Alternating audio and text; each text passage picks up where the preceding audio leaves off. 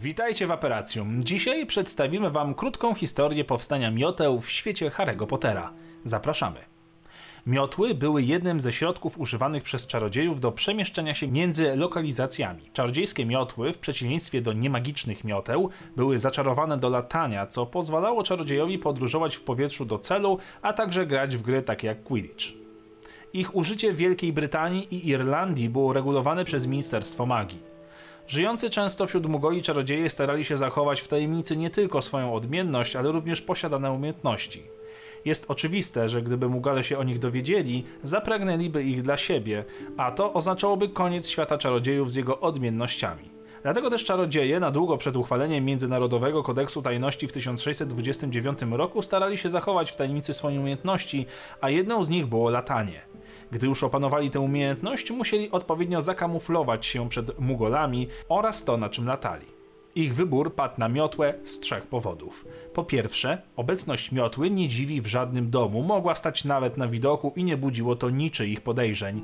Po drugie, miotły nie były przedmiotami cennymi, tak więc nie istniało ryzyko, że jakiś mugolski złodziej je ukradnie i w ten przypadkowy sposób pozna tajemnicę. Po trzecie, były lekkie i łatwe do przenoszenia. Dlatego też to na miotłę padł wybór w momencie, gdy czarodzieje poznali zaklęcia umożliwiające zmuszanie nieożywionych przedmiotów do latania.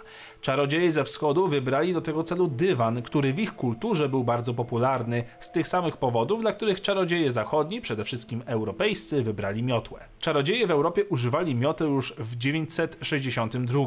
Niemiecki rękopis z tego okresu ukazywał trzech czarnoksiężników zsiadających z mioteł z wyrazem niezwykłego dyskomfortu na twarzach. Pierwsze zaczarowane miotły nie były ani wygodne, ani aerodynamiczne, miały szorstkie gałązki na końcu i nielakierowane uchwyty, a w 1107 roku szkocki czarodziej Guthrie Lochrin napisał o pośladkach wypełnionych drzazgami po krótkiej jeździe z Montrose do Arbroath.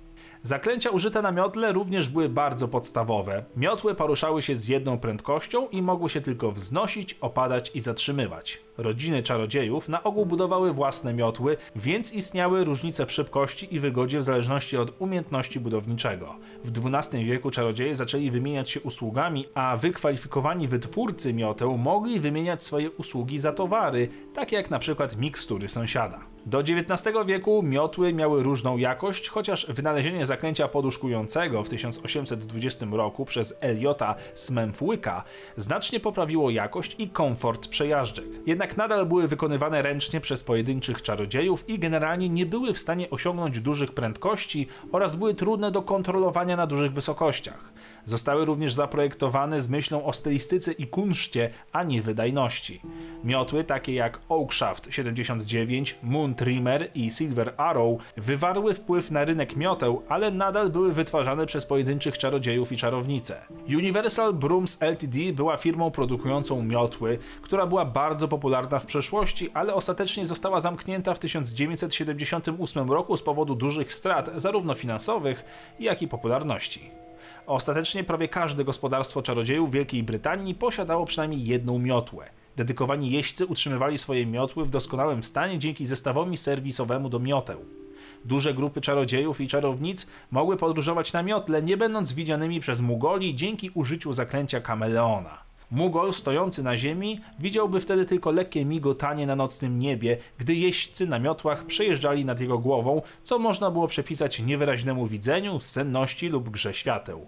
Pomimo popularności masowo produkowanych mioteł, istniał rynek dla indywidualnych rzemieślników nawet w latach 80. XX wieku. Wujek Rowana, Kany, był czołowym producentem mioteł. Wykonanie jednego z jego dzieł zajęło kilka miesięcy i kosztowało kilka tysięcy galeonów. Z biegiem czasu zaklęcia wspomagające latanie przeszły z prostych do bardziej złożonych w naturze. Na przykład nowoczesne miotły były wyposażone w amortyzację. Kiedy Harry spadł ze swojego Nimbusa 2000, ten nie upadł na ziemię, ale zamiast tego odleciał w kierunku bijącego bijącej wierzby, co sugeruje, że na miotłę mogło być rzucone jakieś zaklęcie, które utrzymuje ją w powietrzu bez jeźdźca. Słów parę o rodzajach mioteł. Miotły rodzinne. Ten typ mioteł nie jest przeznaczony do uprawiania sportu, a jedynie do podróżowania na nich przez wiele osób jednocześnie.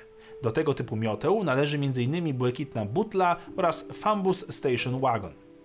Miotły dziecięce przeznaczone do zabawy i nauki latania, różnią się od zwykłych mioteł nie tylko wielkością dostosowaną do budowy ciała dziecka, ale i parametrami. Miotły dziecięce unoszą się zaledwie około stopę nad ziemią i nie mogą rozwijać dużych prędkości. Miotły specjalne. Ten typ mioteł wyróżnia się swoją niepowtarzalnością. Miotły specjalne konstruowane są dla konkretnego odbiorcy i uwzględniają jego indywidualne zapotrzebowania. Przykładem takiej miotły jest miotła należąca do znanego Aurora, Alastora Moody'ego, która pełni rolę latającego wózka inwalidzkiego. Miotła ta ma całkowicie przekonstruowane siedzisko, zaopatrzona została w oparcie oraz system sterowania oparty na dźwigniach, ma także umieszczone z przodu podnóżki na stopy. Współczesne miotły sportowe są ogólnie dostępne i zakupić je można nawet poprzez sprzedaż wysyłkową, a dostarczane zostają sowią pocztą.